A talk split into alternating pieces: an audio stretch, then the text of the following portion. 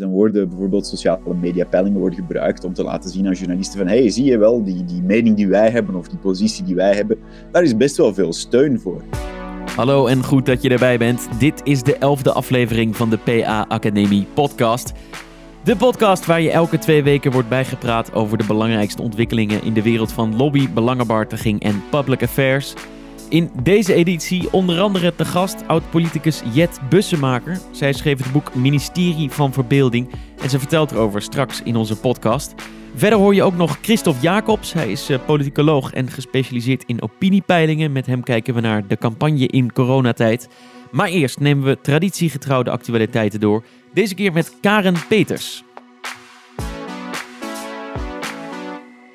In elke Public Affairs Academie podcast nemen we met een professional uit het veld de actualiteiten door. En vandaag doen we dat met Karen Peters. Zij is de voorzitter van het college van bestuur van STEF, Stichting Eemvallei Educatief. Uh, Karen, uh, leuk dat je met ons wilt terugblikken op het nieuws. Uh, om even bij het begin te beginnen, wat doet STEF? Ja, STEF is een stichting voor openbaar onderwijs. Um, 15 openbaar onderwijsscholen in de regio om Amersfoort heen zeven gemeenten waar wij uh, de 15 scholen hebben. En uh, nou ja, ik ben de bestuurder daarvan, dus uh, ja, ik, ik mag dan aansturen en met het team samen nadenken over goed onderwijs. Ja, dat is goed om te weten als we met jouw uh, visie en jouw blik naar de actualiteiten uh, willen kijken. Wat is jou zo wel opgevallen de laatste tijd? Ja, nou ja, goed. We hebben uh, best wel een aantal thema's eh, die het onderwijs raken. Hè, waaronder nou ja, de situatie rond de Google ehm, Docs zaken en de, en de zaken die daar mee te maken hebben in de ja, beveiliging van de persoonsgegevens, uh, die raken ons onderwijs ook. Ik heb uh, ouders daar een brief over gestuurd. Ja, misschien om heel even uh, bij het begin te beginnen. Ehm, dit gaat over de, de Kamerbrief. Die is verstuurd door de ministers Slop en, en Van Engelshoven. Dus die verantwoordelijk zijn voor, voor het lager en hoger onderwijs. Um, en zij hebben eigenlijk hun zorgen geuit over het gebruik van Google-producten in de klas. Hè? Ja, wat, uh, wat, we, wat we hebben, we hebben bij, uh, je, kan binnen het onderwijs natuurlijk verschillende systemen hanteren, maar wij hebben bij STEF toevallig uh, veel Chromebooks. En Chromebooks die, gaan, uh, die werken heel erg in de, in de zogenaamde G Suite omgeving. En dat zijn uh, uh, ja, documenten die je dan in de Google Docs omgeving met elkaar deelt. Um, dus het onderwijs ja, vindt ook plaats in dat systeem. Ik kan je voorstellen, met name in het thuisonderwijs, waarin de kinderen die Chromebookjes thuis hebben, dat er veel online lessen via die computers is gegeven. Dus ja, bij STEF hebben we er echt wel mee te maken dat de zorgen over ja, de privacy wel, wel een dingetje is. Ja, want wat zijn die zorgen dan precies? Nou ja, goed, wat je, wat je ook in de media wel ziet, is uh, dat er wel vraagtekens zijn wat zo'n, wat zo'n computergigant als Google eigenlijk uh, in het onderwijs doet. Hè. Ja, ik snap het wel, want uiteindelijk gaat het erover op het moment dat jonge kinderen al uh, goed kunnen werken met deze omgeving, dan is het logisch dat ze daar later ook in blijven werken. Dus daar zit gewoon toch ook een beetje stiekem een verdienmodel in. Daar, daarom ben ik altijd al wel wat voorzichtig over dit dit systeem. Ik ben ontzettend blij dat, uh, dat de minister in ieder geval aangeeft dat er op uh, Europees niveau ook met deze. met Google wordt gepraat om er toch voor te zorgen dat de, dat de beveiliging wat omhoog gaat. En dan gaat het dus niet zozeer over dat kindgegevens beschikbaar worden, maar wel die metadata. En uh, ja, dan weet je, dat, dat wil je gewoon ook niet voor deze kinderen. Dus daar, zijn we, daar zijn we wel alert op. Uh, en de andere kant is, ja, het klinkt ook een beetje plat, maar die, die Chromebooks worden ook relatief goedkoop aangeboden. Dat is dus ook weer logisch, want daar zit toch die Google-omgeving achter. Maar ja, dat betekent voor het onderwijs, waar je elk dubbeltje toch uh, kritisch uh, over moet zijn, dat je sneller geneigd bent om op die lijn te gaan zitten. Dus, uh, nou ja, maar goed, ik, ik ben blij dat we daar. Uh, dat er in de Tweede Kamer er vragen over zijn gesteld en dat er nu serieus wordt doorgepakt. En ik heb goede hoop dat we, daar, uh, dat we daar wat duidelijkheid over gaan krijgen. Ja, want wat hoop jij dat er gaat gebeuren? Nou ja, dat, dat, dat Google in ieder geval zich eh, bewust is van deze problematiek. Ik snap ook wel, we zijn maar een klein landje dan, hè, als je kijkt naar het wereldwijde verhaal. Maar dat er in ieder geval voor onze omgeving een antwoord op komt. Dat, uh, dat hoop ik wel. Uh, ja, iets langer geleden, maar ook uh, aangekondigd door de onderwijsministers, was het Nationaal Programma Onderwijs. een grote nou, herstelfonds als het ware, hè, om de onderwijswereld er weer bovenop te helpen. Mm -hmm. Hoe is daar bij jullie op gereageerd bij de basisscholen? Ja, nou ja, wow wat veel geld. we hadden wel, uh, wel het wel al zien aankomen, hè, want de minister had, uh, had het er natuurlijk al eerder over. Alleen dat het zoveel geld zou zijn, dat, uh, dat, dat, dat was wel een verrassing. dus, en dat, dat geldt ook voor het VO. Hè? Dus, dus alle partijen die hebben wel zoiets van, zo, er wordt echt wel flink de portemonnee getrokken. En, en wat betekent het nu dan voor jullie? Hoe gaan jullie hiermee om de komende tijd? Ja, dat is, dat is wel spannend. Uh, want is een deel van het geld is natuurlijk ook uh, bestemd voor uh, gemeenten. Um, het is nog best wel onduidelijk over, um, nou, over hoeveel geld het nou precies gaat en hoe de toedeling komt en wat ook vervolgens de opbrengsten moeten zijn. Dus daar moet nog wel het een en ander over gebeuren. Ik merk ook wel dat um, nou ja, in deze voor mijn gevoel de verkiezingen uh, hier ook wel een rol bij spelen in hoe uh, snel dit allemaal tot stand komt. Want het is echt bizar snel gegaan. Uh, eigenlijk als je kijkt wanneer er de eerste signalen over waren en, en de brief anderhalve, twee weken geleden, dan, nou, dan is daar echt heel, heel, heel veel druk op gezet. Um, maar hoe dat concreet moet worden, dat, dat weten we nog niet. Wat ik inmiddels wel al aan het doen ben, is met name uh, Stef uh, begeeft zich in zeven uh, gemeenten. En met de wethouders daar, maar ook met de ambtenaren onderwijs, ben ik al wel in gesprek over met name de inzet van de extra onderwijsachterstandsmiddelen die de, die de gemeenten ook gaan krijgen, om ervoor te zorgen dat, dat we samen, als, als je kijkt naar het hele palet, dat wat de gemeente doet en wat de scholen dan doen, elkaar gaat versterken in, in het uh, ja, in, het, in het wegwerken van, uh, van de achterstand of de vertraging, zoals we zo mooi moeten zeggen, uh, uh, bij de leerlingen. Dus daar ben ik al wel mee bezig geweest. Nog, nog even los van dat het dus nog niet concreet is. Ja, dus je bent al heel druk bezig met het, met het voeren van gesprekken over dit, over dit onderwerp. Ja, ja. ja, en dat probeer ik dan heel erg te doen aan de hand van een uh, uh, nou ja, schema waarin we heel erg kijken naar kansengelijkheid. Hè? Want kansengelijkheid is natuurlijk echt in het onderwijs wel een thema. We zien ook uh, dat de kansengelijkheid liep natuurlijk al uit elkaar. Hè? Kinderen met minder kansen en meer kansen, en ja, die, dat gat werd alleen maar groter. En dat heeft corona eigenlijk echt wel pittig versterkt. Um, dus je wil heel erg dat de middelen die nu extra vrijkomen, dat die daarop in worden gezet. Om ervoor te zorgen dat, uh, ja, dat, dat dat gat in ieder geval kleiner wordt. Het liefst natuurlijk weg, maar ja, dat is denk ik een beetje utopie. En dan, en dan vooral ook als straks die middelen er niet meer zijn. Hè, want het is natuurlijk een fors bedrag wat we dan ongeveer een 2,5 jaar te besteden hebben, dat we daarna um, wel zo ver ontwikkeld zijn um, dat we ook door kunnen gaan op die lijn. Dus dat is wel um, waar, we, waar ik ook met de, uh, met de wethouders over in gesprek ben, dat we echt iets duurzaams willen in gaan doen. Dus niet nu bij, bij Pietje vooral willen gaan zitten op rekenonderwijs, hè, want dat is natuurlijk voor Pietje wel belangrijk maar niet voor de lange termijn. Dus Pietje moet goed rekenonderwijs krijgen, maar dat willen we wel proberen te doen door ervoor te zorgen dat nou ja, gemeenten samen met scholen programma's wegzetten die ook voor de lange termijn eh, effect hebben. Je noemt net al dat ehm, nou ja, de problemen die er al waren, uh, die er al zijn, eigenlijk alleen maar vergroot worden door, uh, door corona. Ja. Is dat nou ook een onderwerp waar jij als belangenbehartiger veel mee bezig bent? Ja, zeker. Ja, zeker. Want ik, ik had vanmorgen uh, overleg met de gemeente Soest, uh, met andere schoolbesturen ook en ook met de kinderopvang. En daar uh, zie je dat bijvoorbeeld bij de vroegschoolse educatie, dus dat zijn kinderen van 2 tot 4, ehm, dat daar um, de, door ook de sluiting die zij hebben gehad, kinderen minder taal, um, zeg maar minder in aanraking zijn gekomen met de Nederlandse taal. En dan hebben we het met name over kinderen die met allochtone ouders. Uh, en die komen straks wel uh, met vier jaar naar school. En normaal gesproken heb je in zo'n VVE-programma, dus zo'n vroegschoolse programma, um, zie je dat daar heel hard wordt gewerkt om die, om die taalvaardigheid van deze kinderen te vergroten. Dat is nu, heeft nu zeker vertraging opgelopen. En we weten dat dat heel lastig weg te werken is. Dus dat betekent tegelijkertijd dat je samen met de gemeente moet kijken: oké, hoe ga je dat dan vanaf groep 1 bij die kleuters doen? want dat betekent echt een extra inspanning die je moet leveren um, vanuit de kleuterleraar voor deze groep. Um, dus daar zijn we nu al in ieder geval over aan het nadenken. Nog even helemaal niet concreet.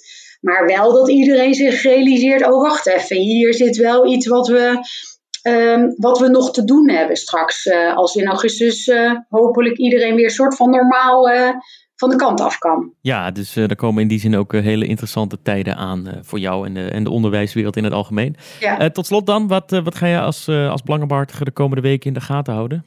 Nou, um, een van de dingen is, volgende week is de Week van de Hoogbegaafdheid. Um, en uh, we zijn bij, uh, bij Stef ook in de zeven gemeenten heel hard bezig om ook weer gemeentelijk en met andere schoolbesturen uh, goed na te denken over hoe kunnen we nu deze de echte hoogbegaafde kinderen, dus niet de, de meer begaafde kinderen, maar echte hoogbegaafde kinderen beter um, onderwijs geven, uh, beter helpen.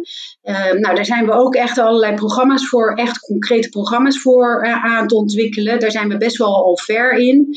nog niet in alle gemeenten overal even ver, maar dat zijn wel thema's waarvan ik denk, ja, dat is misschien wel een mooie samenloop van omstandigheid. Um, in de lijn van volgende week. Ik ben ook wel benieuwd um, wat daar verder aan media uit gaat komen. En waar wij dan ons voordeel mee kunnen doen bij Stef. Karen Peters, voorzitter van het college van bestuur van Stichting STEF, een uh, grote scholengemeenschap in de regio rondom Amersfoort dus. Heel erg bedankt dat je jouw kijk op de actualiteiten met ons wilde delen. Vond het leuk om te doen. Straks hoor je de PA-update, waarin deze keer oud-Kamerlid, staatssecretaris en minister Jet Bussemaker te gast is. Ze vertelt uh, over haar nieuwe boek, Ministerie van Verbeelding, en we blikken met haar terug en vooruit op ontwikkelingen in de Nederlandse politiek. Uh, voor het zover is, uh, gaan we voor de laatste keer luisteren naar uh, de speciale serie Campagne in coronatijd. Deze keer met Christophe Jacobs. In de aanloop naar de Tweede Kamerverkiezingen van 17 maart hoor je in de Public Affairs Academie podcast de driedelige serie Campagne in coronatijd. In deze aflevering is Christophe Jacobs te gast. Hij is als politicoloog verbonden aan de Radboud Universiteit in Nijmegen. En naast dat hij momenteel werkt aan onderzoek over democratische vernieuwing, is hij gespecialiseerd in de rol van publieke opinie en peilingen op politieke ontwikkelingen. Christophe Jacobs, fijn dat je er bent. Hallo, ja, superleuk. Uh, het gaat de laatste tijd veel over de peilingen en dan uh, vooral over de peilingen voor de verkiezingen van half maart. Um, en één ding horen we dan constant: Mark Rutte en de VVD lopen ver vooruit op de andere partijen. Ja, om even met dat gewoon te beginnen. Hoe uniek is het nou eigenlijk dat een partij zo'n grote virtuele voorsprong heeft? Um, wat we sowieso zien is dat um, eigenlijk Nederland altijd een land van minderheden is geweest. En, en het grappige is eigenlijk dat zelfs de VVD is, is eigenlijk een dwerg, maar het is een hele grote dwerg in vergelijking met al die andere kleine partijen. Um, en dus in die zin weet je het feit dat, dat er zo'n beetje een nivellering is van al die grotere partijen, dat is een trend die al een tijd gaande is. Uh, wat we vooral wel gezien hebben is sinds uh, het vorige kabinet en de verkiezingen die daarop volgden in 2017, dat de versplintering op links nog groter is. En omdat eigenlijk zowel het CDA als de PvdA nu veel kleiner zijn, is de afstand tussen de koploper en de nummer twee ja, is enorm. Um, en we hebben een tijdje gehad dat de nummer twee, uh, dan, nou ja, dat die plek werd ingenomen door de PVV van Geert Wilders. Maar ja, ook de, ook de PVV heeft allerlei nieuwe concurrenten. Uh, natuurlijk in Forum voor Democratie, die weer uh, terug wat ingestort zijn. Maar ja, je blijft op die rechterflank nog altijd wel andere splinterpartijtjes hebben. Um, en nou ja, dan zorgt dat er dus voor dat er een hele grote afstand is tussen de nummer 1 en de nummer 2. Ja, vooralsnog Rutte flink op kop met de VVD. Um, als we nou even kijken naar deze campagne en campagnes in het algemeen, wat kan dan de invloed van zo'n peiling zoals dit bijvoorbeeld zijn op, op het verloop van die campagne en de uiteindelijke uitslag? Ja, er zijn heel veel verschillende mogelijke uh, ja, um, impacten die dat kan hebben, uh, zowel op kiezers als op politici. En uh, wat je bijvoorbeeld heel erg zag in 2012, dat al een tijdje geleden, maar toen zag je dus die tweestrijd tussen de PvdA en, en de VVD. En dan hebben een heleboel kiezers hebben dan strategisch gestemd. En dat is een heel mooi voorbeeld van een potentiële impact van peilingen.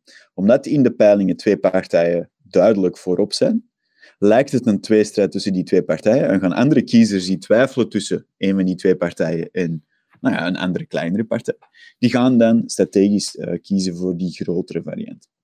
Uh, en dat is omdat in een land als Nederland, met, met heel veel verschillende partijen die deelnemen aan een verkiezing, kiezers eigenlijk niet echt trouw zijn aan één partij.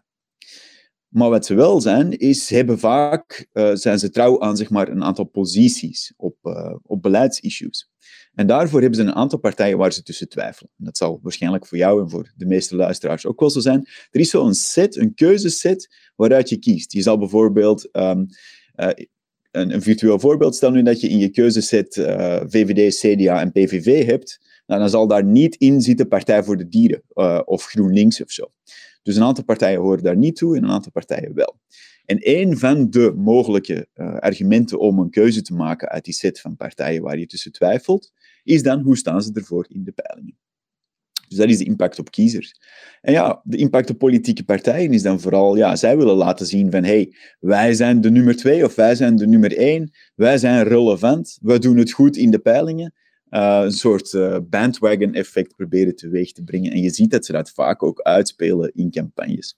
Ja, en wat verwacht jij? Gaan partijen volle bak inhakken op Rutte of laten ze hem juist een beetje met rust? Juist omdat hij zo populair is? Um, dat kan beide. Uh, dus ja, sowieso is dat uitstekend nieuws voor, voor Rutte. als hij recht blijft en, en hij is in, elke, ja, in elk debat is iedereen al zijn pijlen of haar pijlen op, op hem aan het richten. Dat is alleen maar goed voor zo'n partij. Dus, um, dus in die zin, ik denk dat, dat Mark Rutte daar heel blij mee is. Hij is natuurlijk een hele professionele politicus met heel veel ervaring, die uitstekend weet om te gaan met de meeste van die aanvallen. Dat, zie je ook, dat zag je ook in het recente verkiezingsdebat. Um, dus dat zie je. En dan is het vooral ook kwestie voor die andere partijen. zij willen dan de grote uitdager zijn van Mark Rutte. En, en dat is de strijd die zij onderling voeren. Ja, ja, dit gaat natuurlijk echt over uh, zetelpeilingen. Nou is er nog een ander type peiling, namelijk de opiniepeiling. Dus meer gericht op uh, onderwerpen. Ja. Um, als we nou kijken naar het systeem van peilingen in Nederland. Um, wie, wie peilen er dan? Hè? Maar misschien nog wel belangrijker, ja, wie hebben daar nou eigenlijk belang bij? Ja, um, dat zijn twee verschillende vragen natuurlijk. En, en de eerste vraag, die, uh, die kun je heel breed beantwoorden. Als iemand, er zijn een aantal professionele peilbureaus. Denk bijvoorbeeld aan INO Research. Uh, denk bijvoorbeeld aan Kantar. Uh, en denk aan de meest bekende van al die pijlers, Maurice de Hond. Um, dat zijn zeg maar de grote spelers in het veld. En daarnaast zie je ook dat ja, die cijfers hebben een soort magische uitstraling. Dus je ziet ook dat bijvoorbeeld uh, mensen hun eigen Twitter-peilingjes gaan doen om te laten zien van hey, er is echt wel steun voor mijn voorstel. Dus um, je hebt de professionele pijlers en dan heb je meer zeg maar, de gelegenheidspeilers uh, die dan van die ja, niet-representatieve peilingjes de wereld insturen in de hoop om zo toch het publieke debat te kunnen sturen. Ja, dus opiniepeilingen worden niet alleen ingezet om uh, nou, de, de opinie te peilen, maar ook juist als een soort nou ja, invloedsfactor in het uh, publieke debat. Ja, en dan met name uh, doen ze dit voor, voor de, de klassieke media. En dus dan worden bijvoorbeeld sociale mediapeilingen worden gebruikt om te laten zien aan journalisten van hey, zie je wel, die, die mening die wij hebben of die positie die wij hebben, daar is best wel veel steun voor. Um, en dan, dan hopen ze dat ze daardoor meer media-aandacht gaan krijgen. Ja, een belangrijke peiling op dit moment is uh, de peiling naar de steun voor het coronabeleid. Ja. Um, en daar is de afgelopen weken eigenlijk best een grote omslag geweest. Het was, de steun was altijd heel erg groot. Ja. En nu lijkt dan, in ieder geval de afgelopen weken, dat de steun toch flink aan het afnemen is. Ja, ja dus wat betreft de kwaliteit van peilingen is het zo dat we zeg maar, uh, dat burgers eigenlijk heel goed in staat zijn om, om uh, hun politieke voorkeur te laten peilen. Uh, dus de meeste van die, die, die peilingen naar politieke voorkeur, die zijn eigenlijk redelijk betrouwbaar. En zelfs die van Maurice de Hond, wat toch eigenlijk qua kwaliteit van de drie grote duidelijk de minst goede is. Um, maar als het gaat om het peilen van voorkeuren naar beleidsissues en zo, ja, dan zit er vaak veel meer ruis op en zijn zaken zoals vraagformulering zijn heel belangrijk. En dan kun je bijvoorbeeld grote verschillen krijgen door gewoon de vraag net iets anders te formuleren, omdat er een woord in staat dat een bepaalde emotie triggert bij de respondenten. Dus dat is iets waar je altijd rekening mee moet houden.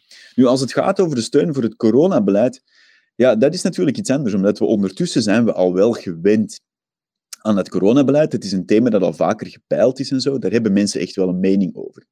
En wat je vooral ziet, is dat uh, ja, eigenlijk um, het lijkt erop dat met name die beleidsmaatregel van de, de avondklok ehm, en, en zeg maar die laatste verstrengingen, die hebben er toch voor gezorgd dat mensen, ja, het, het lijkt toch een beetje een bijzondere periode te zijn waarbij mensen ja, toch heel erg ja, het moeilijker is om steun te krijgen voor die coronamaatregelen. Want langs de ene kant heb je dus die, die vaccinaties, uh, zeg maar de, het positieve nieuws dat het, het einde in zicht is. En langs de andere kant wordt het dan gecombineerd met strengere, strengere lockdown-maatregelen. Uh, en ik kan me heel goed voorstellen dat, dat wat we zien in de peilingen, dus minder steun voor coronamaatregelen, uh, dat er ook iets echts is. Want dat is iets waar je dan vooral naar moet kijken. Van, is dat iets, iets een, een schijn trend die wordt gecreëerd door pijlers. Maar in dit geval denk ik dat het echt iets is wat, wat wijst op een, een kentering in uh, de attitudes van mensen. Ja, en sterker nog, uh, het kabinet heeft, ondanks de negatieve adviezen vanuit uh, de wetenschap, toch besloten om alvast um, versoepelingen door te voeren. Hè? Ook, ook, om die reden.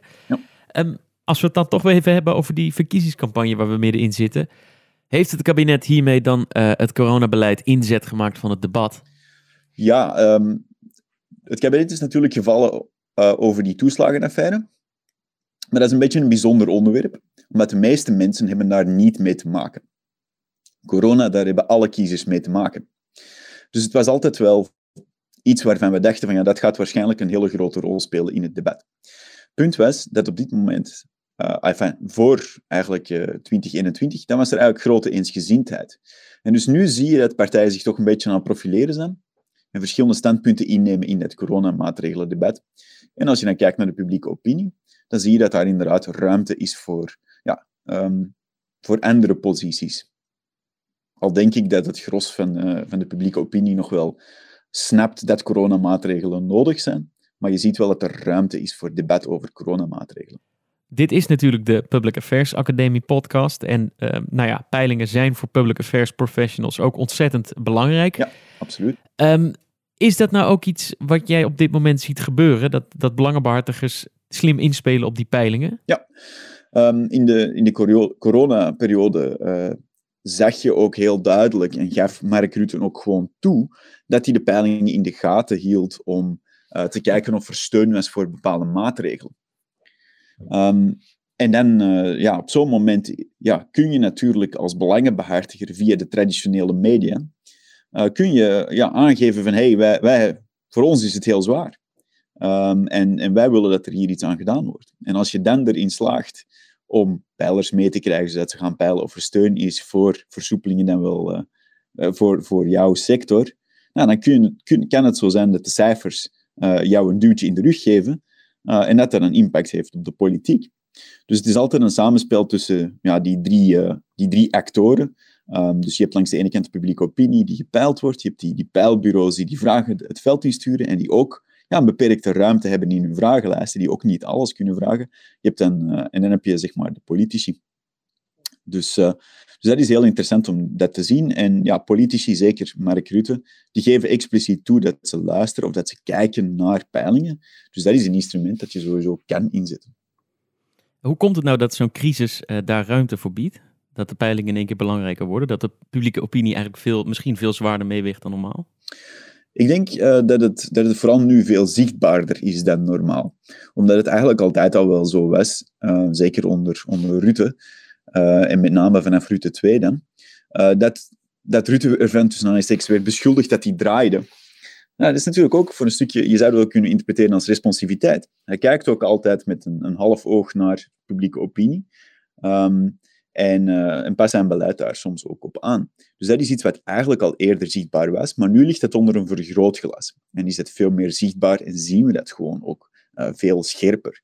En ik kan me ook wel voorstellen dat in, uh, nou in coronatijd, waar maatregelen, ja, dat is maar één ding, die maatregelen die moeten ook nageleefd worden door burgers. Dus wil je ook weten dus wil je ook uh, er zeker van zijn dat er voldoende draagvlak is voor die maatregelen. En ja, dan zijn uh, opiniepeilingen toch wel een belangrijk instrument daarvoor, om dat in de gaten te kunnen houden. Tot slot dan nog even weer toch over die komende verkiezingen. Nou, we hadden het er al uitgebreid over. De, Mark Rutte staat er heel goed voor. Ja.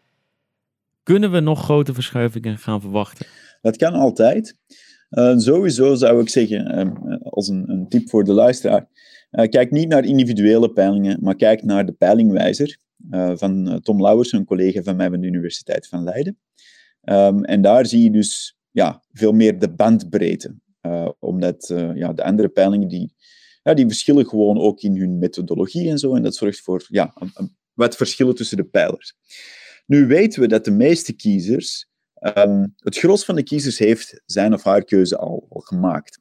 Maar er is een, belangrijke groep, een relatief grote groep, die dat pas helemaal op het einde doet. De laatste drie weken. Dat zijn ook met name die zwevende kiezers. Um, en die kunnen dus uiteindelijk ja, toch nog wel een groot, groot verschil maken als er bepaalde zaken gebeuren. Dus evenementen, events, uh, tijdens zo'n laatste drie weken van een campagne. Uh, denk bijvoorbeeld bij de verkiezingen van 2017 aan dat bezoek van die minister van Buitenlandse Zaken van Turkije. Kijk, dat soort zaken kunnen echt een impact hebben op kiezers die bijvoorbeeld twijfelen tussen VVD en PVV of tussen VVD en CDA en zo. Dus als het een thema is dat, uh, dat echt speelt voor een groep kiezers die twijfelt, dan kunnen die laatste weken nog het verschil maken. Wat wel zo is, is dat we, wat we zien, is dat een heleboel van de politici die nu als lijsttrekker mee in die debatten zitten, die zijn gepokt en gemazeld in de politiek. Dat zijn mensen die weinig fouten maken. Um, en ja, hoe professioneler uh, die politici zijn, hoe meer ervaring ze hebben, hoe kleiner de kans op fouten en hoe kleiner de kans ook dat we nog grote verschuivingen gaan zien in die laatste weken. En, en stel nou, je bent uh, belangenbehartiger en je wil jouw uh, belang nog op de agenda krijgen zo in die laatste weken. Um, ja, hoe kun je daar de peilingen nog slim voor inzetten? Dan ben je te laat, vrees ik. Uh, het is zo, in die laatste periode, vlak voor de verkiezingen, wordt het nieuws gedomineerd door wat de politici uitzenden. Dus je ziet dat heel vaak het zo is dat in die periodes buiten verkiezingscampagnetijd, dan kunnen andere actoren, zoals belangenbehartigers, de mediaagenda mee bepalen. Maar in die periode van een verkiezingscampagne, zeker zo in die laatste rechte lijn, kom je er nauwelijks meer tussen. Um, en dan denk ik dat het vooral een kwestie is van nou ja, achter de schermen contact zoeken, dan wel wachten op de periode na de verkiezingen. Maar eigenlijk ja, had je er al dan op voor en bij moeten zijn. Christophe Jacobs, politicoloog bij de Radboud Universiteit en gespecialiseerd in de rol van opiniepeilingen op ontwikkelingen in de politiek. Bedankt voor je interessante duiding van deze campagne in coronatijd. Dankjewel, graag gedaan. Veel succes. Nog uh, anderhalve week en dan zijn ze de Tweede Kamerverkiezingen. En uh, speciaal voor die verkiezingen heeft de Public Affairs Academie de verkiezingsgids opgezet. Daar verzamelen we eigenlijk alle informatie die je nodig hebt om de verkiezingen op de voet te kunnen volgen. Uh, je kan er terecht voor alle verkiezingsprogramma's, maar ook voor het laatste nieuws in onze liveblog, voor columns, achtergrondverhalen en ook voor interviews. Uh, kijk dus zeker even op www.verkiezingsgids.nl. Uh, op 19 maart, twee dagen na de verkiezingen, dan organiseren we een uh, speciale bijeenkomst over de verkiezingsuitslag. waarin we dus vooruitblikken op de formatie. Wat gaat de uitslag betekenen voor de komende vier jaar? Welke combinaties gaan er mogelijk zijn? maar we staan ook stil bij vragen die voor jou als belangenbehartiger belangrijk zijn. hoe laat je jouw stem doorklinken aan de onderhandelingstafel? hoe krijg je jouw thema's ook na de verkiezingsuitslag nog op de agenda? Uh, je hoort het allemaal tijdens de online workshop op vrijdag 19 maart. Die plaatsvindt van 10 tot 11 uur in de ochtend. Uh, wil je daar nou bij zijn? Kijk dan even op www.pa-academie.nl. Jet Bussemaker is hoogleraar beleid, wetenschap en maatschappelijke impact. Maar de meeste mensen kennen haar natuurlijk als voormalig PvdA-Kamerlid en staatssecretaris. Uh, en later ook minister voor de PvdA. Onlangs bracht ze het boek Ministerie van Verbeelding uit, waarin ze terugblikt op haar Haagse jaren. Professor Bussemaker, leuk dat u te gast wil zijn in deze podcast. Ja, dank voor de uitnodiging. Um, inmiddels bent u dus ook uh, hoogleraar bij Universiteit Leiden. Um, ja. Nu is het zo dat u in de jaren negentig ook al bezig was met een, een, glansrijke academische carrière. U won prijzen, u werkte voor Harvard. En toch besloot u in 1998 voor de PvdA de Tweede Kamer in te gaan. Ja. waarom eigenlijk? Um, ja, omdat, ik, uh, omdat dat een kans was om niet alleen te schrijven over uh, de noodzaak van verandering, maar ook om uh, dat meer in de praktijk te brengen. En ik vond het wel een heel spannend avontuur. En ik dacht, ja, ik kan mijn hele leven op de universiteit blijven, maar dat is ook wel een erg veilige, veilige weg. En, uh, en soms moet je zijstappen maken. Sommige mensen verklaarden me voor gek, maar ik heb er nooit spijt van gehad. En nu ben ik weer terug op de universiteit. U schrijft uitgebreid over het uh, idealisme en ook het optimisme waarmee u de politiek inging. En dat past misschien ook wel een beetje bij die tijd. Hè? Um, ja, de jaren negentig, het kon niet op. Um, waar kwam dat optimisme voor u vandaan? Waardoor was u zo optimistisch? Um, nou ja, toch um, het, het, dat ik om me heen zag dat er uh, veel veranderde in de samenleving. En dat het ook wel een tijd was waarin er een aantal doorbraken hadden plaatsgevonden. Ik kwam in de Kamer tijdens Paars 2. Uh, het begin van Paars 2. En Paars was op zichzelf natuurlijk al een enorme doorbraak in de politiek. Voor het eerst sinds 100 jaar zonder uh, het CDA. Uh, Nederland deed het heel goed internationaal met uh, wat toen de derde weg heette. En Nederland was vaak een voorbeeld omdat we evenwichtige uh, omgingen met flexibiliteit op de arbeidsmarkt, flex en zekerheid, nieuwe uh, verlofregelingen. Er kwamen, er was ook een ander perspectief op, op werk van mannen en vrouwen. Nou, dus het was wel een tijd waarin men dacht, er is heel veel aan het veranderen en Nederland loopt daarbij een beetje voorop. En, en waarom zag u voor, voor uzelf een rol um, in de politiek als het gaat om die veranderingen? Nou, ik zag voor mijzelf ook een rol omdat uh, veel van mijn uh, academisch werk ging over verzorgingsstaten, ook internationaal vergelijkend. En ik zag dat die echt moesten veranderen om ook toekomstbestendig uh, te blijven. En um, met veranderingen in, in, in de toekomst om te gaan. En ho hoe je dat dan doet is heel erg bepalend. Want er was natuurlijk ook een hele sterke neoliberale uh, wind. Uh, al een beleid dat eerder onder Lubbers was ingezet, waarbij de overheid kleiner gemaakt moest worden en efficiënter en alles meer ondernemender uh, moest. En daar verzette ik me eigenlijk uh, tegen, omdat ik ook zie dat de zachte krachten belangrijk zijn. Nou, met die idealen ben ik de politiek ingegaan. Ja, daar ben ik ook wel heel vaak gestruikeld. En heb ik ook lang niet alles in praktijk kunnen brengen wat ik, uh, wat ik had gehoopt en gewild. Ja, dat loopt eigenlijk uh, een beetje als een soort rode draad door het boek heen. Uh, uw idealisme um, en vervolgens de, ja, de politiek die toch een stuk meer blijkt te bestaan uit, uit smalle marges en een hoop problemen onderweg. Ja. Ja, het is misschien een beetje een stomme vraag, maar had u dat nou onderschat? Ehm, of zijn de tijden gewoon veranderd? Ja, nee, ik, ik geloof niet dat dit uh, naïviteit uh, genoemd kan worden. Want ik wist uh, goed genoeg hoe de politiek werkte. Ik wist ook dat ik met smalle marges te maken zou krijgen. Maar wat ik eigenlijk probeer te beschrijven is de weerbarstigheid van, van beleid voeren. En ook wel de enorme complexiteit van, van de Nederlandse publieke sector. Die het voor een minister heel, heel erg moeilijk maakt om daar nog op te sturen. En daar komt ook wel de tijdgeest, uh, dat is moeilijk te vatten uh, wat dat is, maar het is toch wel het gevoel over welke kant het op gaat. En ja, ik zat nog niet lang in de Kamer. We voerden toen nog interessante gesprekken met uh, het CDA en GroenLinks om meer een beleid op meer gemeenschapsdenken vorm te geven. En toen kwam 9-11, en kwam Pim Fortuyn en alles draaide. Uh, en het ging opeens helemaal niet meer over nieuwe vormen van verzorgingsstaat, maar het ging over de islam, het ging over migratie, het ging over terrorisme. Um, en zo, ja, soms zit de tijdgeest dus, tijdgeest dus ook niet mee. Ik heb in kabinetten gezeten waar het geloof bij de hele Kamer bijna was dat het allemaal strenger moest. De, de toeslagenkwestie is wat mij betreft ook niet alleen de overheid of de regering te verwijten. Maar ik heb ook gezien hoe de Kamer, Kamerbreed, daar steeds zei: uh, jullie moeten uh, misbruik meer afstraffen. Het mag nooit meer voorkomen. Ook niet als daar uh, andere mensen het slachtoffer van worden. En nu zie je eigenlijk de afgelopen tijd, ik denk mede door corona, ja, meer een herstel van de, van de publieke sector. Het hoeft in de zorg en het onderwijs niet alleen meer om efficiëntie te draaien, om doelmatigheid, om rendement. Uh, dus die slinger is nu weer de andere kant op. Maar ik heb ondertussen de politiek verlaten. Ja, ja, precies. Uh, en u, maakt zich toch ook nog wel, wel zorgen uh, over de toekomst van de verzorgingsstaat. Ook al lijkt er nu een soort verandering in te komen uh, door corona. Um, en een van de dingen waar u zich hard voor maakt is om, of waar u uw verbeelding over uitspreekt, um, is dat de overheid als sturend orgaan weer centraler moet, uh, moet worden. Kunt u eens uitleggen, wat is er gebeurd in de afgelopen twintig jaar dat dat eigenlijk op de achtergrond is geraakt?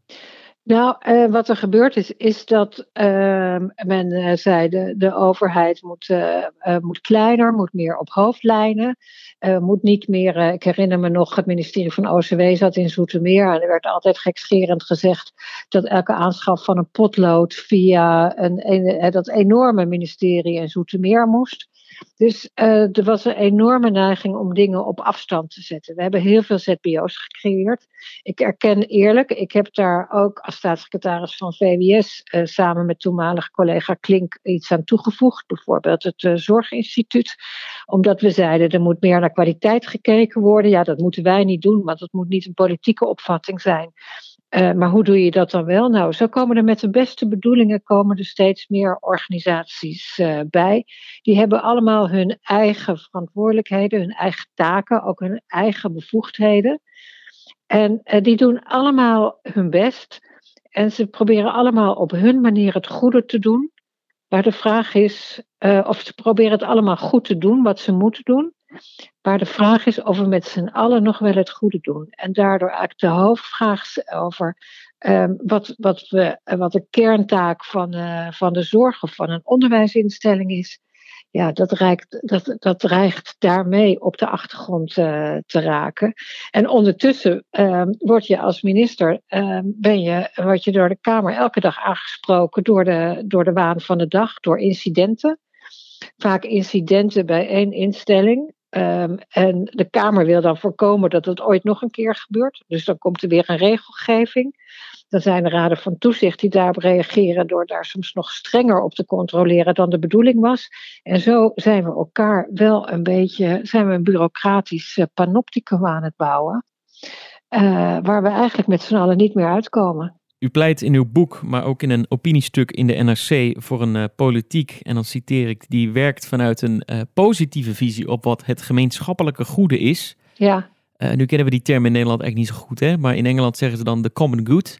Ja. Wat betekent het voor u? Nou ja, dat betekent dat we, um, dat we weer met elkaar proberen de vraag te stellen: wat is nu eigenlijk de kerntaak van, van wat we met sociaal beleid willen?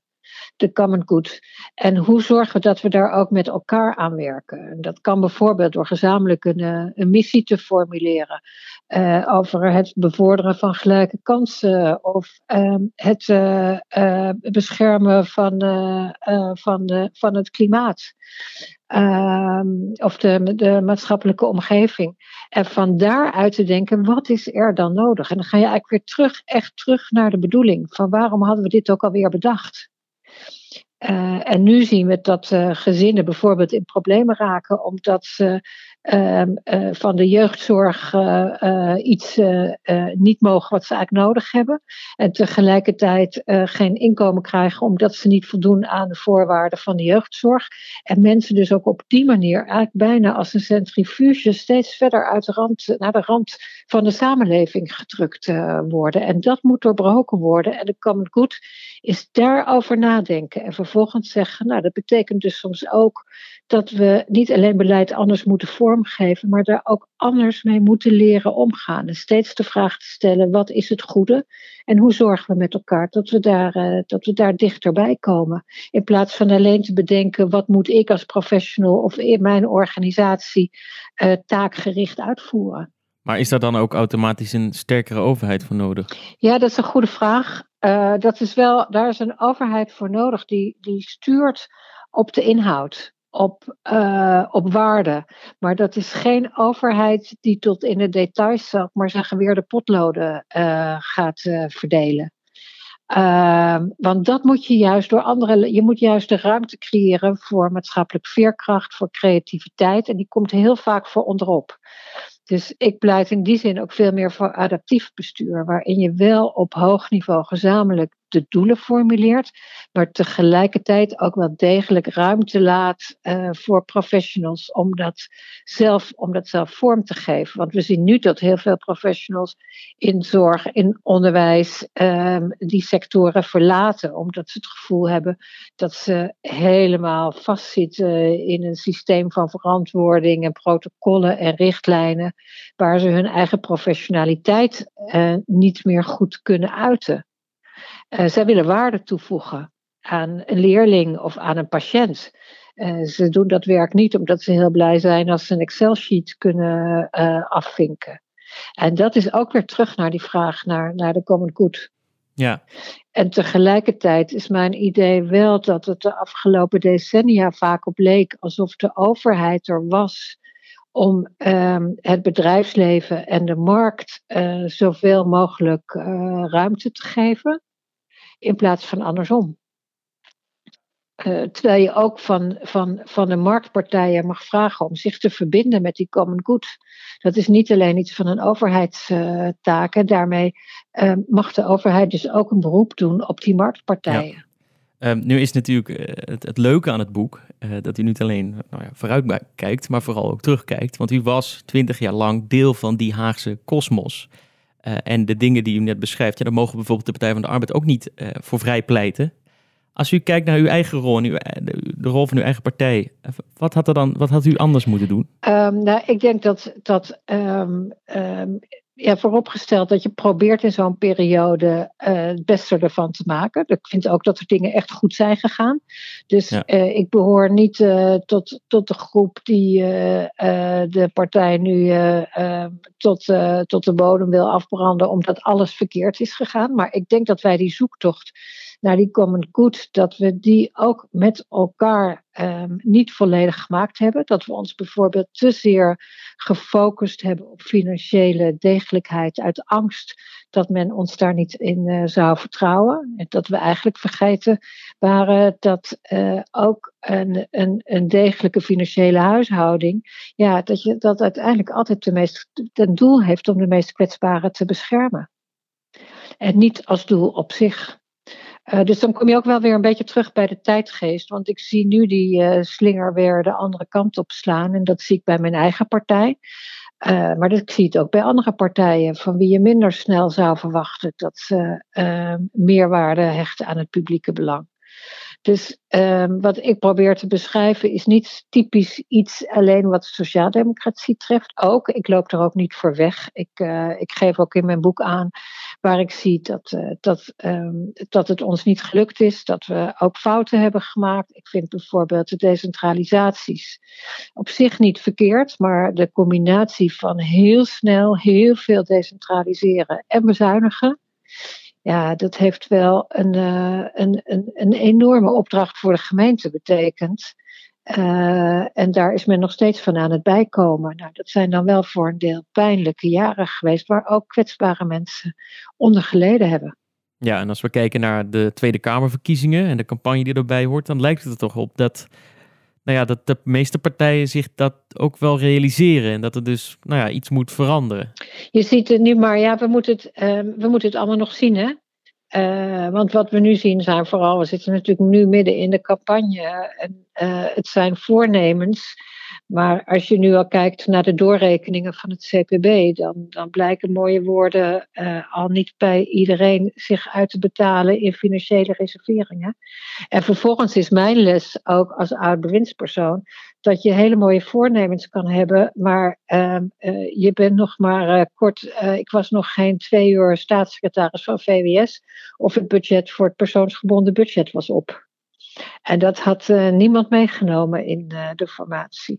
Uh, ik was minister van OCW en niemand dacht toen dat er gelijke kansen in het onderwijs afnamen. Want we deden het volgens internationale rapporten heel goed.